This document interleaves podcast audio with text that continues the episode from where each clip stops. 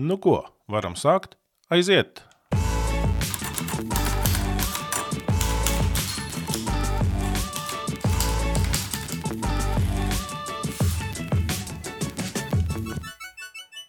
Sveicu tevi misijā podkāstā. Mani sauc Pēters Eisāns, es esmu šī podkāstu autors, un šajā podkāstā plānoju runāt par trīs lielajiem tēmu blokiem. Pirmais par pasauli. Kas notiek pasaulē? Kādas ir kopsakarības, kādi ir notikumi, kādas ir tendences, uz kurien tas viss virzās. Līdz ar to, ja tev rūp vairāk nekā tikai uh, savu māju, savu pilsētu, tu labprāt arī paskaties plašāk, es domāju, tu atradīsi kaut ko vērtīgu šeit. Otrais tēma bloks ir evaņģēlijs. Uh, ko tas nozīmē uh, šodien, vai tas ir būtiski, kādā veidā tas ir būtiski šodienas situācijā, ar kur, ko tas eh, dod kaut kādu pienesumu cilvēka dzīvei. Eh, par to arī mēs runāsim. Un trešais ir eh, mācekļu sūtība. Ko tas nozīmē īstenot Jēzus mācekļu sūtību šodienas situācijā, gan šeit, Latvijā, gan arī tādā plašākā kontekstā. Un kādēļ tāds nosaukums podkāstam - misija? Tas ir no latīņu valodas sūtīt. Redziet, tad, kad pēc augšām celšanās Jēzus nāca pie saviem mācekļiem, viņi bija aiz slēgtām durvīm un viņš nāk viņu vidū. Mācekļi viņu atpazīst pēc tā, ka viņam ir naglu rētas rokās un kājās, un viņi kļūst priecīgi. Tajā brīdī Jēzus viņiem saka, kā Tēvs man ir sūtījis, tā arī es jūs sūtu. Tā tad mēs esam viņa sūtīti. Mūsu dzīvē ir šis sūtības DNS. Tādēļ tāds nosaukums podkāstam. Šodien mūsu sarunas tēma būs mākslīgais intelekts un cik lielā mērā tas ir izaicinājums mūsu cilvēcībai. Cik lielā mērā tas ir izaicinājums mūsu eksistencei, kādu līdz šim mēs esam to pazinuši. Nu, ar katru gadu arvien vairāk mūsu dzīvē ienāk dažādas tehnoloģijas, un tās atstāja iespaidu uz mūsu dzīvi, uz sadzīvi. Protams, tas ir forši, ka mēs varam paskatīties, nu, kāda būs laika apstākļi. Jebkurā mirklī tas mums telefonā redzams, mums ir tāpat tās rāda arī maršruti, kur iet, kur braukt.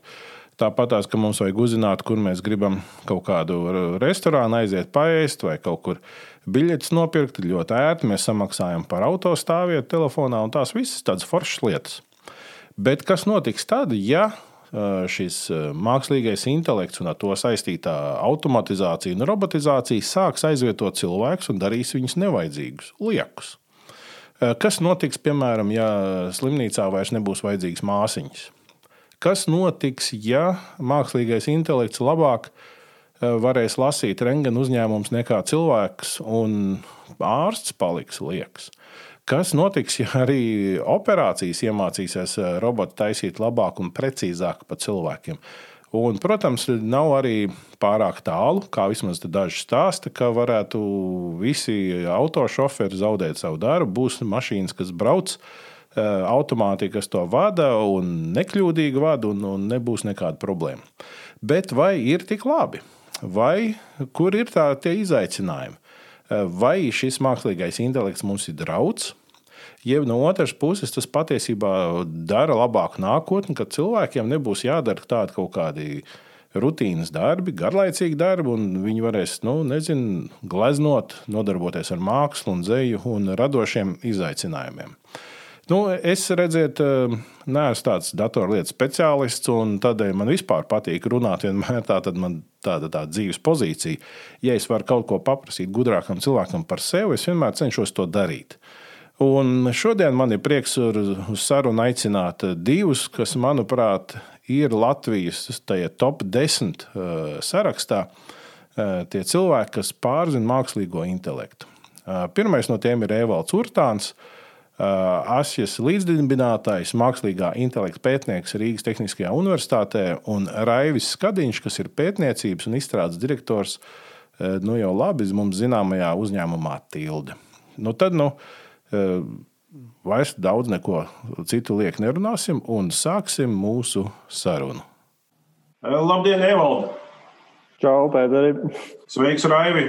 Sveiks! Paldies, ka jūs esat abi atsaukušies sarunai. Ehm, nu, pastāstiet, kas jūs esat un eh, kāpēc jums ir prieks runāt par eh, mākslīgo intelektu. Varbūt arī mazliet arī piesakiet to savu darbu jūsu kompānijā. Tieši mākslīgā intelekta sakarā, kas ir tās lietas, ko jūs risināt un mēģināt atrisināt? Tātad es esmu Raivs Skadiņš, darbojos datorfirmā Tilde. Nu, un, mākslīgais intelekts un tā, ja ļoti konkrēti runāt, valodas tehnoloģijas ir tas, ar ko es strādāju ikdienā. Es Tildē atbildu par pētniecību un izstrādi. Tātad manā pārziņā ir visi pētījumi un programmas, ko mēs radām. Nu, mēs strādājam ar, ar dažādām mm, dabīgās valodas tehnoloģijām, uh, mašīnu tūkošana, runas atpazīšana, runas sintēze, mm, virtuāli asistenti. Nu, tās ir tās jomas, ar kurām ikdienā nākas strādāt. Un, nu, pirms gadiem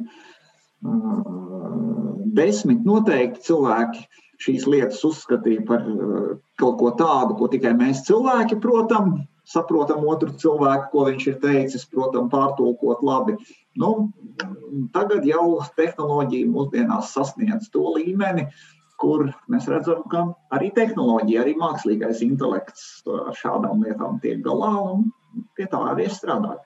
Man sauc Evalds Urtāns, es pārstāvu uh, divas, varbūt trīs lietas. Viens ir uh, RTU, uh, mums ir uh, pētnieku grupa, kas strādā ar mākslīgo intelektu. Mums ir tāds priekštiesības strādāt ar superdatoru, un mēs varam griezt daudz dažādas pētījumus. Tajā pašā laikā es esmu vēl doktorants, un man nav tik daudz publikāciju kā Raivim, bet nu, mēs cenšamies, sākam visu kaut ko. Un uh, arī uh, tāda otra lieta ir Data Science Latvija. Uh, tāda grupa, kas katru otrdienu tiekās zinātnieki no dažādām organizācijām un uzņēmumiem, Lumija, Edija, RTU, uh, citiem uzņēmumiem, uh, apskatām dažādas pēdējos pētījumus. Un trešais ir asija.ai, kur uh, mēs strādājam pie um, emociju atpazīšanas no biometriskiem datiem, kas nav saistīti ar valodu. Tā. Un es tā kā aizmirsu pieminēt savu dzimtu augstskolu, es Latvijas universitātē arī esmu. Nu, redz, tātad tas nozīmē, ka Latvijā var diezgan normāli apgūt specialitāti un mācīties visu, kas nepieciešams, lai ieiet tieši šajā virzienā, darbā ar mākslīgo intelektu. Un, Teiksim, ja nu, kāds vidusskolnieks skatās, tad viņam ir jāiet kur? Data Science Latvija, un jā, jāpiesakās, un, un mēs diezgan jau arī veiksmīgi esam uh, dažādos paralēlos kursos, kas mums iet iesaistījuši arī vidusskolās. Man, man darbinieki ir vairāk bijuši tādi, kuriem mēs sākām strādāt jau no vidusskolas. Nu, protams, arī universitātes. Nu, īstenībā tā, tā, tā, mm, ja salīdzina ar citām vietām pasaulē, mums universitātēs vēl ir kur augt tajā mākslīgā intelekta jomā, jo nu, ir, protams, kursi, kur arī to ka, kur, kur šīs lietas tiek mācītas. Bet, nu, jā, protams, ja tā nopietni to skatās, noteikti ir, ir jāskatās tātad vidusskola, universitāte un paralēli arī visādas iespējas, kur jau paralēli to varam gūt. Jā, tātad, mhm. Starp citu, ja es, ja es kādam no saviem nu, vidusskolēniem vai, vai jauniem studentiem iesaku no, no savas pieredzes pašlaik, uh, ja tev interesē mākslīgais intelekts, tad eh, jāiet studēt nevis eh, datorzinātnes, bet matemātiku. Un, eh, un, un nu, protams, jā, tagad, man liekas, tas mākslīgais intelekts tagad ir aizgājis vairāk uz matemātikas virzienu nekā uz datorzinātnēm. Kā cilvēkam parasti jau saprast, kas mākslīgais intelekts ir un kas tas nav? Kā novilkt šīs robežas? Nu, mākslīgais intelekts ir uh, mašīnas spēja darīt to darbu, ko līdz šim mēs uzskatījām par tādu cilvēka īpašo lietu, ja, ko tikai mēs cilvēks ar dabīgo intelektu varētu darīt. Ja.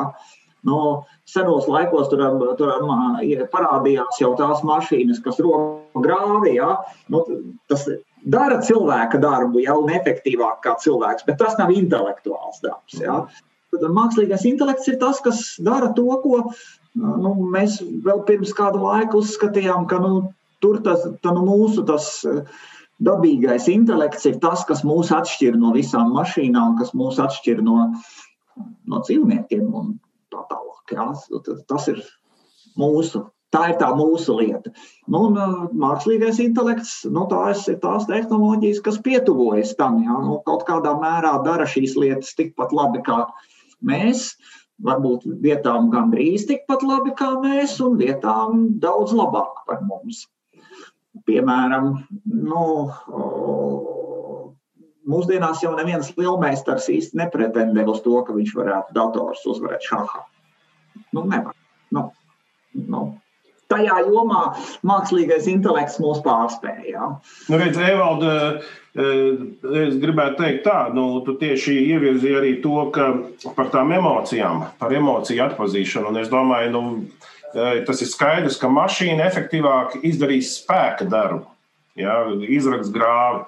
Un tas ir arī skaidrs, ka no šahistiem vairs nav iespējams sacensties ar datoru. Eh, bet eh, jautājums ir, vai jebkad mākslīgais intelekts radīs dzēju, kas liek raudāt?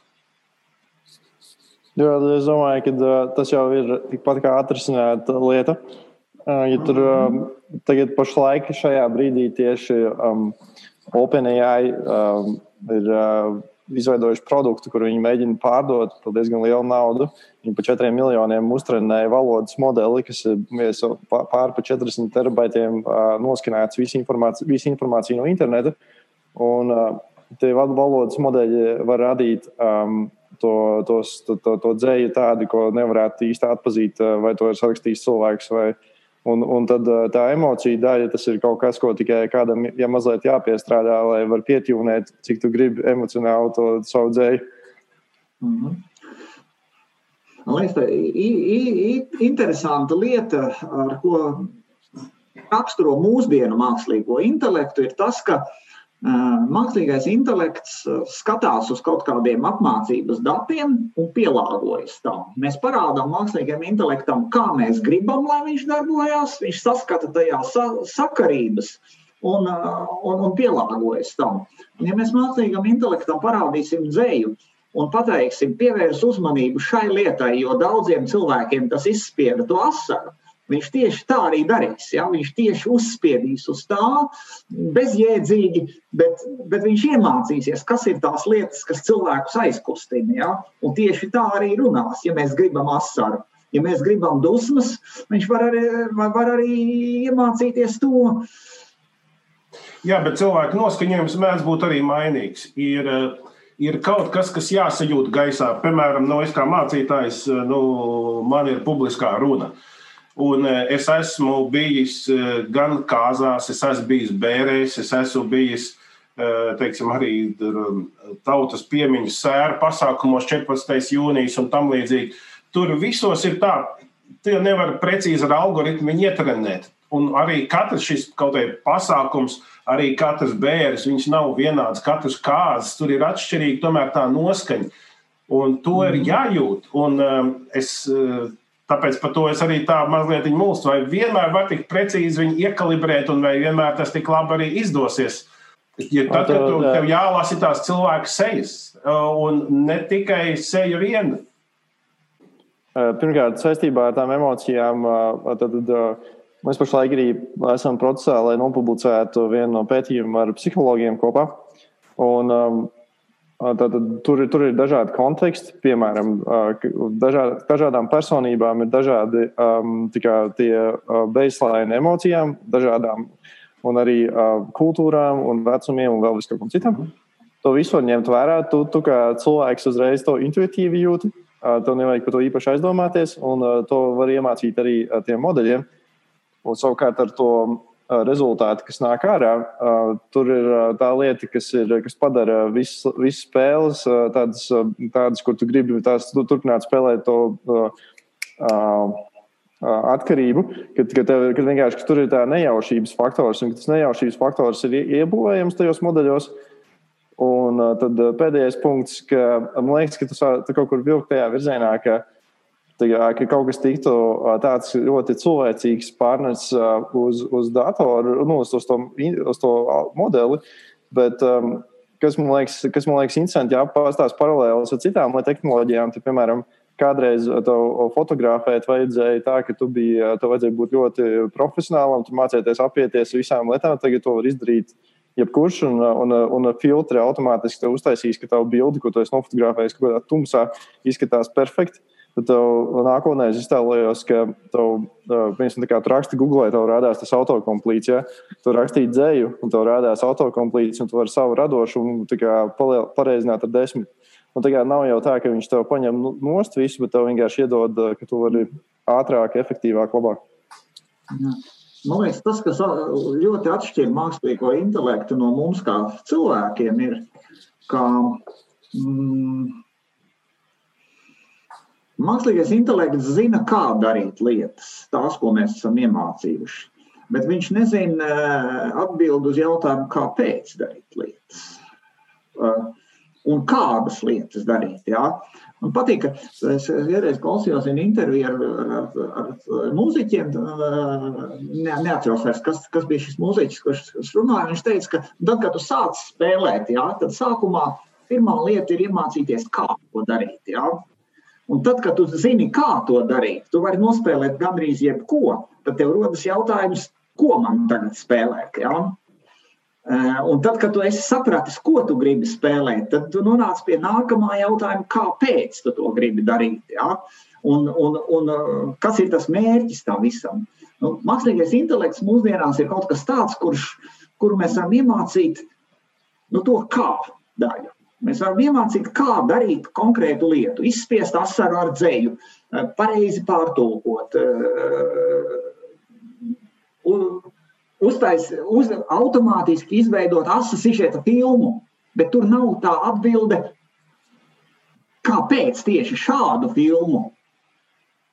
Uh, nu, Un kāpēc šī laikā? Jā, tas ir Jā, kāpēc? Jo, piemēram, Stevens Spilbergs, jā, nu, viņš ir tomēr diezgan uh, ģeniāls, vai ne? Un, un, un viņam sanāk un īstā brīdī. Un vai tas kaut ko mainīs, ja to trenē komanda, kas ir no Latvijas, iepratīm komanda no Ķīnas, vai arī no, teiksim, Brazīlijas vai Arābu zemēm?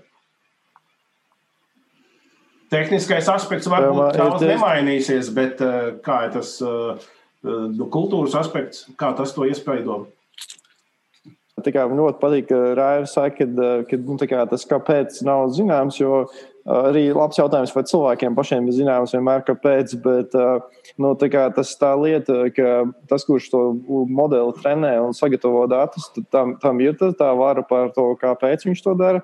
Un, uh, tas man liekas ļoti labi parādās jau tas, tajā, kā, kas, kas sāk notikt tagad, nu, kas notika tagad Amerikā ar visām vēlēšanām. Kad uh, tu vari uzturēt, ja tev ir kā, kāpēc, un tava tā aģenda, tā, tā doma, ko tu gribi panākt kaut kādā vienā konkrētā virzienā, tad tu vari uztrenēt modeļus, lai tev um, tie, tie, pieņemsim, tas pats, kā, kas ir uh, fake news vai kas ir. Uh, vai kas ir labs saturs, kas ir slikts saturs, un, un tad tālāk visas tās mašīnas jau nav vainīgas pie tiem rezultātiem, ko viņas dod. Tā, tā, tā, tur ir liela nozīme, jā, kurš ir tas, kurš ir atbildīgs pie, pie tā modeļa izstrādes. Protams, šeit mēs nonākam arī kaut kādā ziņā pie, pie ētikas jautājumiem saistībā ar mākslīgo intelektu. Jo, ja, ja tas mūsu modelis ir tāds, kas ir mākslīgais intelekts, kas ir domāts kaut kādam ļoti praktiskai lietai, nu, piemēram, tūkošanai, ja, nu, tur nav īstenībā nekāda dižā ētika. Ja. Tur vienīgi ir ētika, ka mums kā autoriem neteikt, ka tas ir cilvēks, ja labāk ir pateikt, ka tā ir mašīna un nevajag uz viņu simt procentu paļauties. Ja. Bet tad, ja mēs sākam būvēt mašīnas, eh, kas, kurām ir mērķis mm, kādu piemānīt, nu, izkrāpt naudu eh, vai kaut ko tādu, jā, un arī tādi mērķi cilvēkiem var būt, un arī tādiem mērķiem cilvēki var būvēt mākslīgo intelektu. Jā.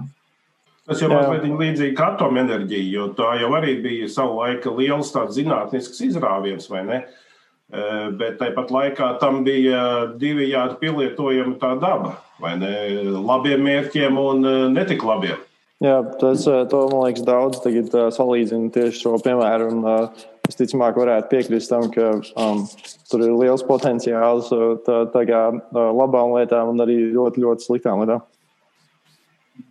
Bet kas notiek nozarē? Vai ir kaut kādi, tas būs tikai tāds iekšējais cenzors, kas kaut kur kādu piebremzēs, ja ir arī kaut kāda veida, kā to var vispār, nu, vai maz ir iespējams to apturēt?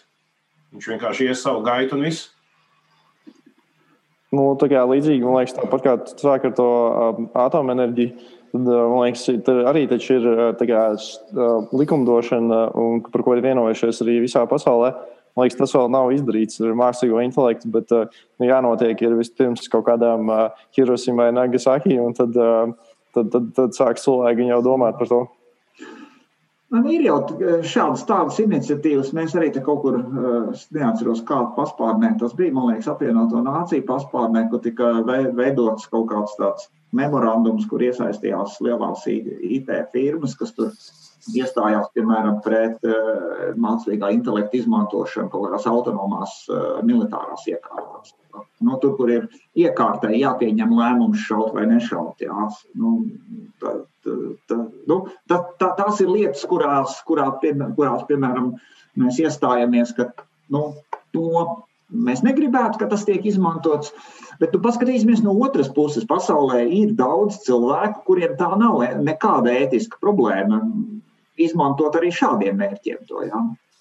To var arī ētiski pagriezt tā, ka tev nebūs eh, cilvēkiem jāiet bojā, sūtīsim mašīnas. Nu, nu, tādā ziņā, ka neies tavu cilvēku bojā, bet uh, par citiem jau neiet runa.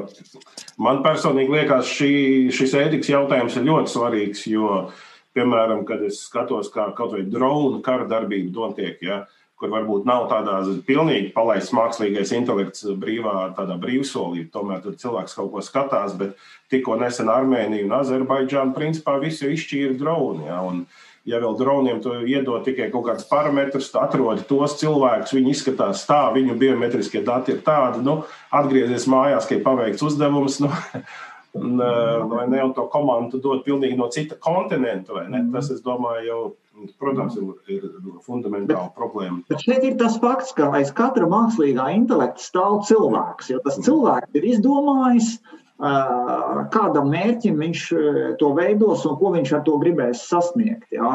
Tas īstenībā nu, par šodienas tehnoloģiju runājot.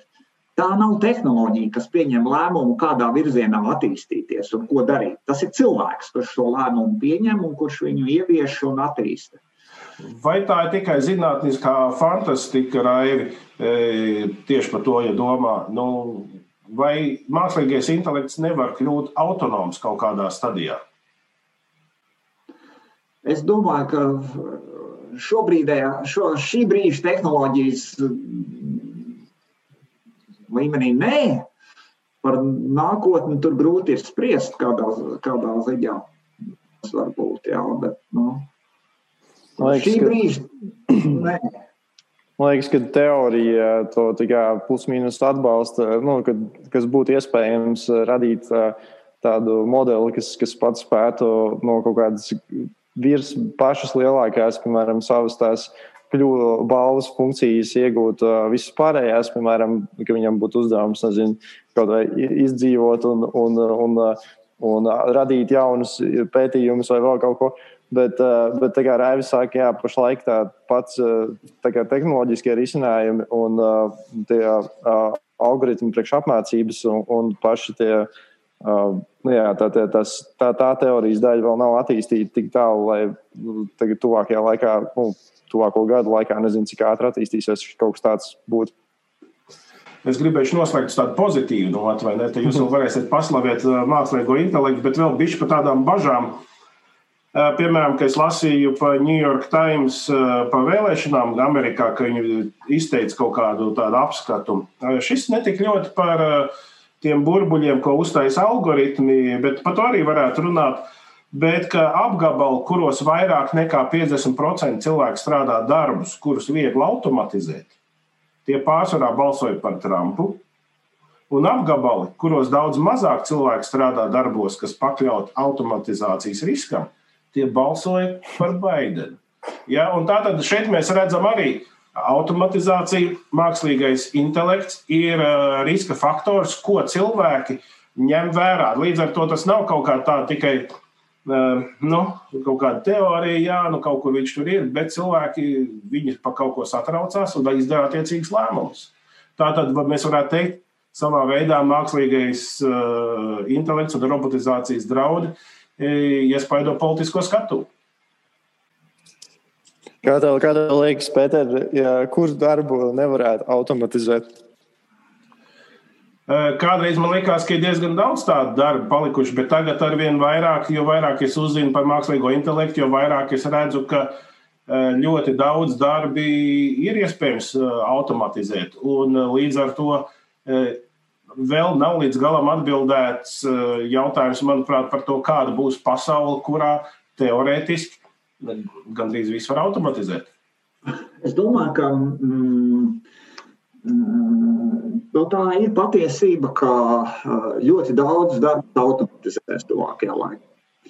Un šīs, šī lieta ir sākusies jau sen. Tā, tas nav kaut kas, kas ir sācies pēdējā desmitgadē.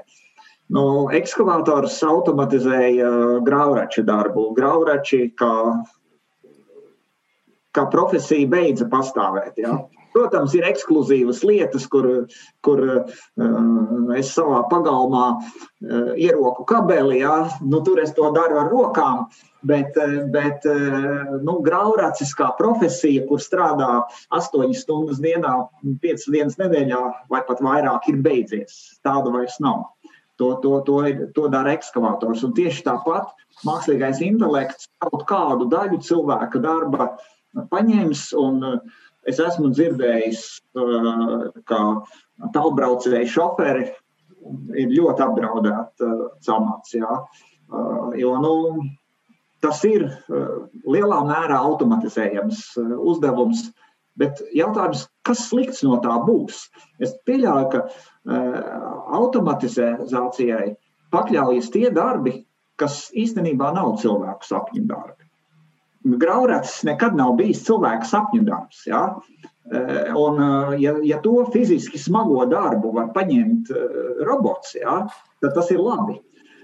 Mēs šodien mums bija tāds pasākums, kur mēs palaidām plašās tautās mūsu risinājumu valsts pārvaldes virtuālajiem asistentiem. Ja? Tā, tā, tā platforma, kur valsts pārvaldes Un tad nu, šis virtuālais asistents palīdz eh, klientu atbalsta procesā.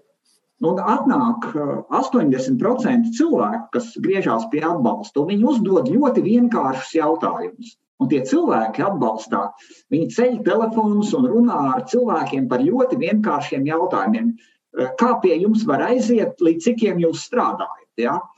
Nu, ļoti garlaicīgs, neradošs darbs. Un tas ir labi, ka tādu darbu mēs uzticam mākslīgam intelektam un automatizējam. Savukārt, eh, mēs kā cilvēki savu potenciālu varam izmantot kaut kur tur, kur ir tiešām jāizdomā kaut kas eh, sarežģītāks, kur ir arī eh, māksla, kur ir ētikas jautājumi un tās lietas. Tad tās paliek mums, bet ja tas ir kaut kāds vienmuļš, automatizējams darbs, nu lai tā viņš tiek automatizēts.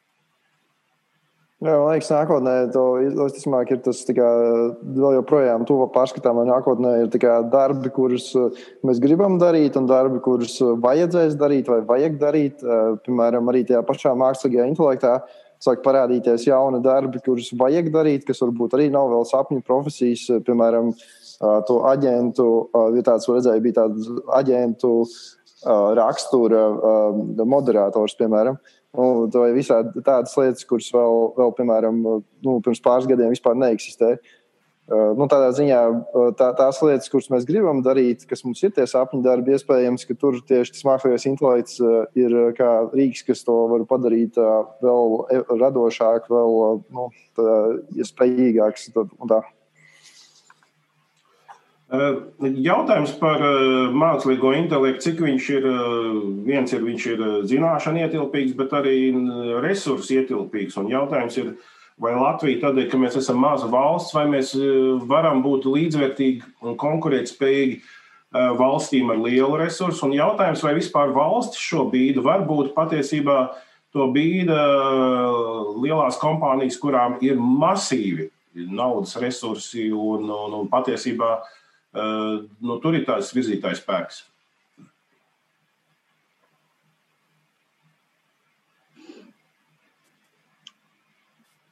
Tā ir. Tā ir. Uh, ir lietas, kur mums nav nekādu īpašo priekšrocību mākslīgā intelekta jomā. Viennozīmīgi, jā. Kur uh, tikpat labi to var darīt Ķīnā, kā Brazīlijā jā, vai, vai Amerikas Savienotajās valstīs. Un, un, un visticamākais to darīs tajās vietās, kur ir nauda. Ar citu, vēl viens aspekts.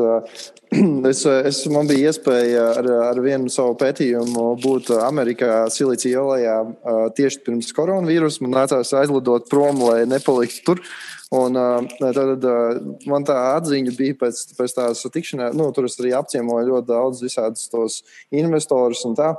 Tas, ka varbūt Latvijai, nu, tādai piemēram, perifērijai galaktikas, ir, ir, ir varbūt kāda priekšrocība ar to, ka uh, mēs esam šeit, varam būt pieņemsim, liela zivs mazā dīķī, nevis maza zivs lielā dīķī. Un, uh, tu, piemēram, ceļš tam mākslīgajā intelektā, piemēram, tajā līmenī, kādā mēs šeit strādājam, uh, tu varbūt tur Amerikā kaut kādās konkrētās vietās būtu ļoti grūti kaut ko vispār panākt, izsisties. Tad, piemēram, šeit vismaz ir kaut, kāds, kaut kāda iespēja platformas, kuras uzbūvēt savu to darbu. Tad, agrāk vai vēlāk jau tu nonāc līdz tam labajam līmenim, bet uh, vismaz ir sākums, uh, varbūt uh, nav tik augsta tā laktiņa.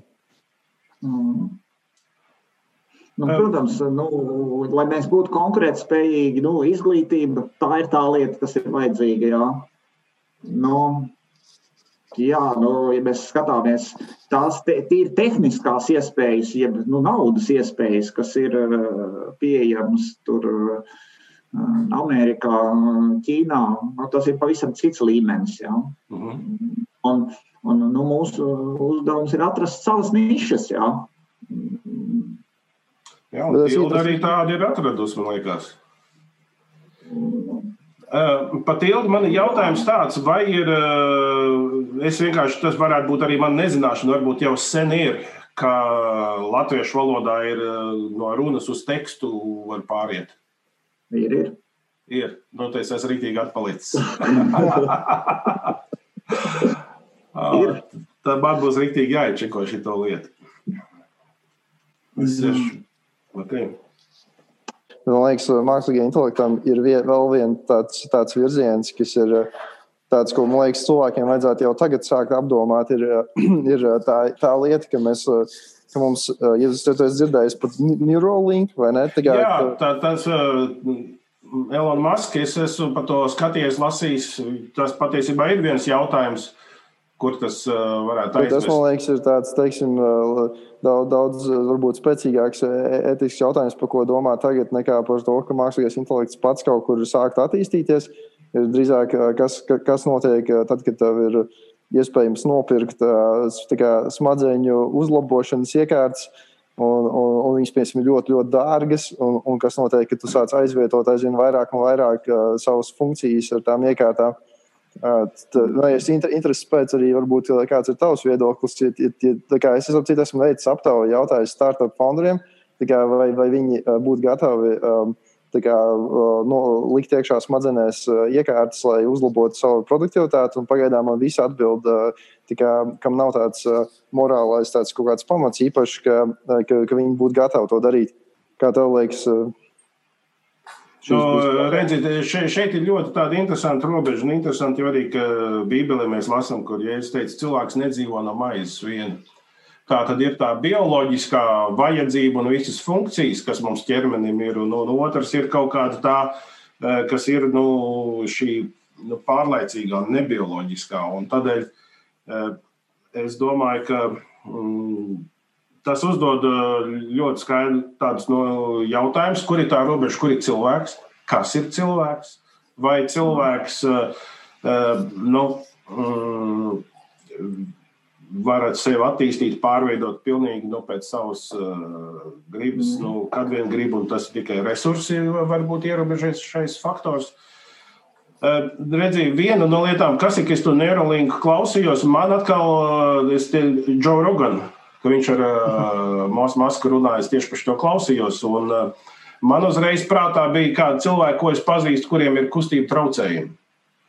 Ja, es domāju, kāds var palīdzēt viņiem, ka tur varētu būt veids, kā viņi var sūtīt no smadzenēm signālu, un teiksim, viņam tā roka vai kāja vai kas kustās. Ja arī es atceros, es dzirdēju vienu interviju.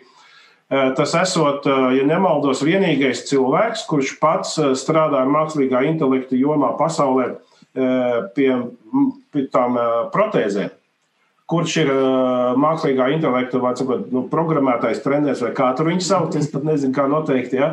Un, un viņš pats savu protēzi ar vienu uzlabo, un kā viņš teica, mans dabīgais ķermenis neiet uz augšu. Viņš lēnām dilst, bet mana protēze ar vienu katru gadu paliek labāka. Ja? Un es domāju, viņš pie tā īsti nedzirdēja atbildēt tajā sarunā, bet es domāju, kā ir, ka tu pats sevī kā cilvēkā piedzīvo, ka daļa no tevis kļūst ar vien labāk, un tā ir mākslīga, tu viņu tur ieprogrammē. Un tu saproti, tā dabīgā aiziet pilnīgi citā vektorā. Ja? Un, un es domāju, mans pirmais instinkts, protams, ir kaut kur iespaidots uh, no kaut kāda tradicionāla uh, svēto rakstu skaidrojuma. Ja Dievs tas kungs tev radīs, tad, uh, tad nu, tāds arī esi. Bet arī te bijis šī problēma. Nu, Dievs tas kungs radīja kaut kādu, teiksim, zobus, un tad, kad nāk pie kaut kāds vecums, tad mēs tomēr Dievam tam kungam gribam palīdzēt, vai ne ieliekot protēzes. Ja? No, no, no tā. Es domāju, man, man par šo jautājumu ir gribās runāt kā par vienlīdzības jautājumu. Jo nu, īstenībā mēs kā cilvēki pasaulē neesam vienlīdzīgi. Un daudziem ir daudz lielākas iespējas, ja, un daudz lielāka vara. Un ir dažādas lietas, kas šo vienlīdzības jautājumu paceļ. Ja. Eh, es biju pirms gadiem jau desmit vienā konferencē, un runātājs tur uzstājās ar, ar tādu tēzi, ka šī iekārta manās rokās, uz kuras ir, kur, kas man ļauj piekļūt internetam, jebkurā brīdī, momentā, mani padara par daudz, daudz spēcīgāku, salīdzinot ar tiem cilvēkiem, kuriem no nu, trešās pasaules valstīs šī, šādu iekārtu nav, šādas iespējas. Ja? Jautājums, ko es ar to daru? Vai es, ko, ko es daru ar šo varu, kas ir manās rokās? Ja? Piekļūt kaut kam momentā, ātri informācijai piekļūt kaut kādām zināšanām ļoti ātri. Ja manās smadzenēs būtu schēma, kas ļauj nezinu, atcerēties jebko, ko es jebkurā brīdī, jebkad esmu redzējis, ja? nu, tas mani padara daudz spēcīgāku un no, ne, nevienlīdzīgās pozīcijās. Un ko es ar šo varu daru? Un tad vēl otrs aspekts. Pieņemsim, ka es kādu apsvērumu dēļ norobežojos no tā, bet būs pasaulē ļoti daudz cilvēku, kas to neuzskatīs par problēmu. Un, viņi, un, un ja šī vara nonāk viņu rokās, mums ir jāpatu, jā, jāpaliek balansā. Mēs kā, nu arī, eh, kā kristieši nevaram eh, atļaut, eh, piemēram, ar šīm lietām nodarboties cilvēkiem, kuriem nav morāla aizsprieduma pret to. Jo viņi to var ievirzīt sev vēlamā gultnē, un, un tam ir jābūt balansā. Ja man saka, jā, tu tur ņemies ar tām tehnoloģijām, tur ir potenciāli ļaunums, īstenībā es ņemos ar to tieši tāpēc, ka tur ir potenciāli ļaunums, lai arī, teiksim, ir šīs, šis spēks gan vienā, gan otrā pusē. Jo, ja mēs no tā norobežosimies, būs cilvēki, kas nenorobežosies. Jā, vēl, vēl, vēl tur ir aspekts arī, ka jā, tas, tas, tas, ir, tas ir tas, tas ļoti liels jautājums par to, kā, ko, ko nevarēs ietekmēt, kad ir varbūt veidojās tā tādas kastes, kur viena ir supercilvēki, un otra ir, ir tie, kur atsakās no, no tās tehnoloģijas. Vēl, vēl tajā pašā virzienā ir tas, ka ja, tev, ja mēs tādu tehnoloģiju sākam ieviest, ne, ne tiem, kam ir piemēram, kaut kādi uh, traucējumi, kustība, bet vienkārši lai, uzlo, lai uzlabotu tās spējas, tad uh, var iztēloties tādu domu eksperimentu, ka tu vari aizvietot pamazām uh, savas smadzeņu funkcijas ar uh, šīm iekārtām. Un tagad tas dabīgais ķermenis noveco, tad to arī aizvietot līdz nezinu, 50%, tagad ir 51% smadzeņu aizvietots ar, ar un tu neesi jutis nekādu to, tā kā, tādu lēcienu, tu esi to darījis pamazām. Un kurā brīdī tu esi kā, staigājoša mašīna vai, vai tu esi cilvēks. Un, uh, tad ir varbūt, uh, varbūt tas mierinājums, uh, tāpēc, ka, tāpēc, ka no vienas īstenībā šo nav notestējis. Varbūt beigās sanāk tā, ka ka tas, ka tas cilvēka, tas, tas, tā, tieši tas, ko Rāvis teica, tas jautājums, kāpēc tas cilvēka dzinulis un tā visa spēja organizēt visu to informāciju savā smadzenēs, varbūt viņa nebūs sadarīga ar tādu pieeju, bet nu, to laiks rādīs. Gribētu, lai jūs bišķīt palielināties ar to mākslīgo intelektu kāpēc viņš ir labs, kādēļ, ka, kur ir tās feinās aplikācijas vēl bišķīt, lai cilvēkiem ir prieks, eh, nu, ka tomēr eh, kā tos jautājumus risina.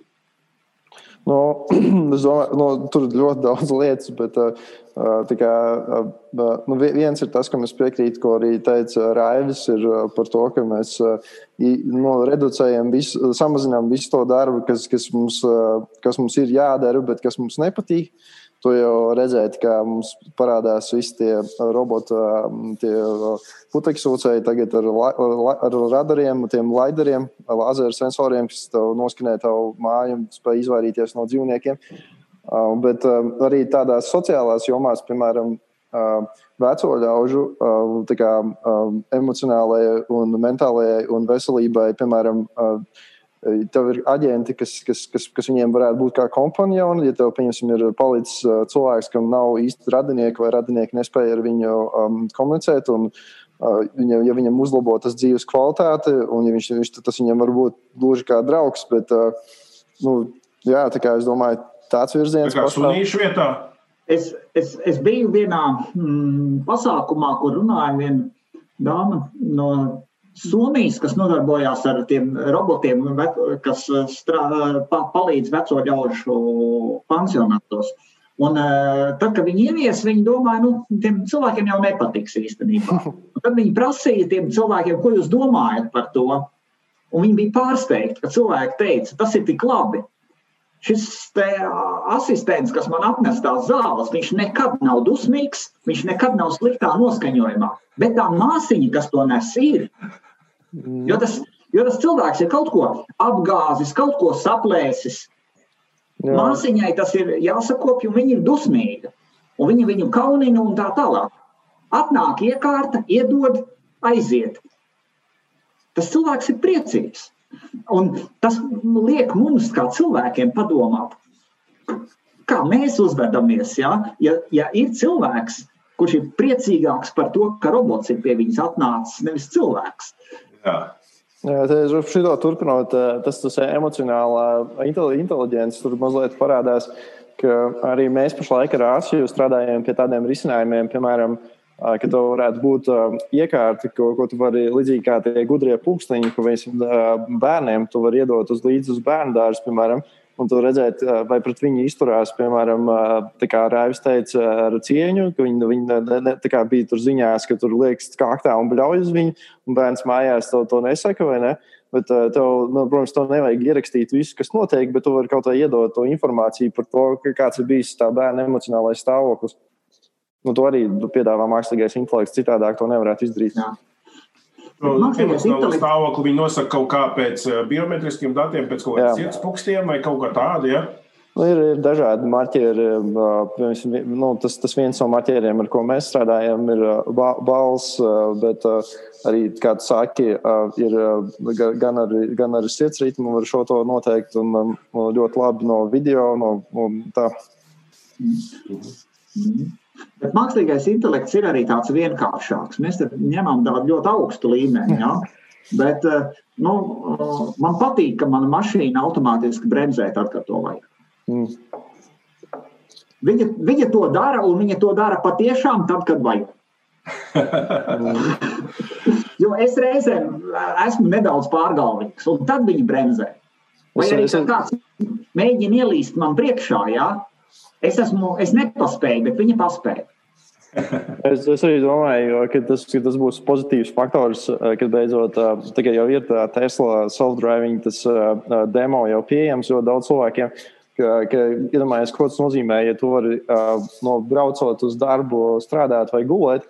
Tad uh, iedomājies, ko nozīmē, vai tev ir jādzīvo lielā pilsētā, vai tu vari dzīvot, piemēram, pusstundu ārpus pilsētas, un tas tev pilnībā neapgrūtina tavu dzīvi un uh, vēl citos faktoros.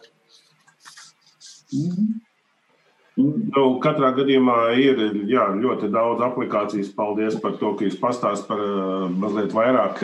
Un ir uzreiz priecīgāk, nav vairs tik drūms noskaņojums ar to domu. Nu, tik nāks mūsu mākslīgais intelekts un aizvietos un uh, visu izdarīs mūsu vietā. Bet uh, katrā gadījumā es domāju, arī vēl, kur es esmu skatījies, kur tīri medicīnā palīdz. Un, uh, man senāk bija uzskats, ka ārsts nekādu tur nevarēs aizvietot, bet tagad, kad tīri kā rentgena uzņēmums precīzāk izrādās lasa mākslīgais intelekts un, un kā teiksim, Parkinsona diagnostikā ļoti vienkāršās uh, metodēs, kaut vai pēc to gaitu, ka mēra tev telefons, kas ir kabatā, var pateikt, o, oh, te ir kaut kāds savādāks ritms, un tie ir pirmie tādi, nu, Es to, es to varu iztēloties, ka mācītājiem arī varētu būt interesanti rīki nākotnē. Piemēram, mākslinieks intelekts var, var dabūt teikumu jēgas un, un, un vispār pat paragrāfu domas un visu kaut ko tamlīdzīgu. Un, ja to līdz šim es Bībelē meklēju pēc keywordiem kaut ko, tu varētu meklēt pēc, pēc domām, un tu varētu atrast uzreiz, un viss tavs pētniecības darbs vispār saistībā ar kādu literatūru var arī notikt daudz ātrāk. Jā, tieši tā. Un tāpēc es domāju, kopumā jau domāju, tas ir uz labu, jo daudzas lietas viņš padarīs efektīvākas, ātrākas. Un, un, un, un līdz ar to arī nu, cilvēkiem būs vairāk laika, enerģija e, citām lietām. Galvenais mums skatīties ir, lai cilvēkiem ir e, no kā dzīvot, lai viņiem ir no kā pārtikt, un, un lai viņi var cilvēku cienīgi dzīvot. Bet skatoties no tāda uh, garīga aspekta uz šo, man liekas, ka um, ir svarīgi domāt nedaudz uz priekšu. Lai nav tā, ka kādā brīdī mums ir uh, jāsaprot, mēs esam palaiduši šo ētisko aspektu garām, piemēram, jā, vai kaut kas tāds. Jā. Uh, jo Nu, jā, par to domā starptautiskās organizācijas, par to domā valstis, bet par to ir jādomā arī baznīcā. Jā. Kā es kaut kur lasīju par mākslīgo intelektu, ka kā būs, vai vienā, nu, pieņemsim, tas mākslīgais intelekts kļūst aizvien gudrāks un autonomāks un ar savām domām, un tu pat nevari viņu atšķirt no cilvēka. Tad ir jautājums, Vai mēs kristīsim robotus? Tas ir ļoti labs jautājums. Es šobrīd nezinu atbildēt uz to. nu, tas ir jautājums, kur, kur nu, principā arī baznīcai būtu jā, mhm. jādomā. Paldies, Evalda, paldies, Raiva, par sarunu. Es Man pašam bija ļoti interesanti. Es uzzināju kaut ko arī jaunu, tika izaicināts. Un ceru, ka arī tiem, kas skatīsies, klausīsies, būs tikpat noderīgi. Jā, paldies, ka uzaicināji. Ja kas var sazināties ar mani, atrodiet LinkedIn vai Facebook. Mhm. Paldies! Paldies! Un katrā gadījumā jauniešiem es iesaku, ejiet mācīties matemātiku un strādājiet pie mākslīgā intelekta. Labi, visu labu! Čau, čau. Visu labu! Paldies Evaldam Urtānam, paldies Raivim Skadiņam par sarunu. Paldies arī tev, ka noklausījies līdz galam. Mums nākamā epizode iecerēta turpināt šo tēmu par mākslīgo intelektu. Šoreiz jau arī bija jāpieskarās tam uh, ētikas jautājumam un arī par tādam, tādam reliģijas un garīguma jautājumam. Eh, nākamajā sarunā es ceru, ka mani sarunu biedri būs divi garīdznieki, un mēs tieši no tāda uh, reliģijas un garīguma rakursa vairāk paskatīsimies uz mākslīgā intelekta izaicinājumu un, un kā tas iesaistās arī nu, tādā baznīcas dzīvē, un vai tur arī ir kaut kāda aspekta, ko mums būtu jāņem vērā. Bet eh, šodien tas ir viss. Eh, lai tev priecīga diena, un tad līdz nākamajai reizei. Visu labu!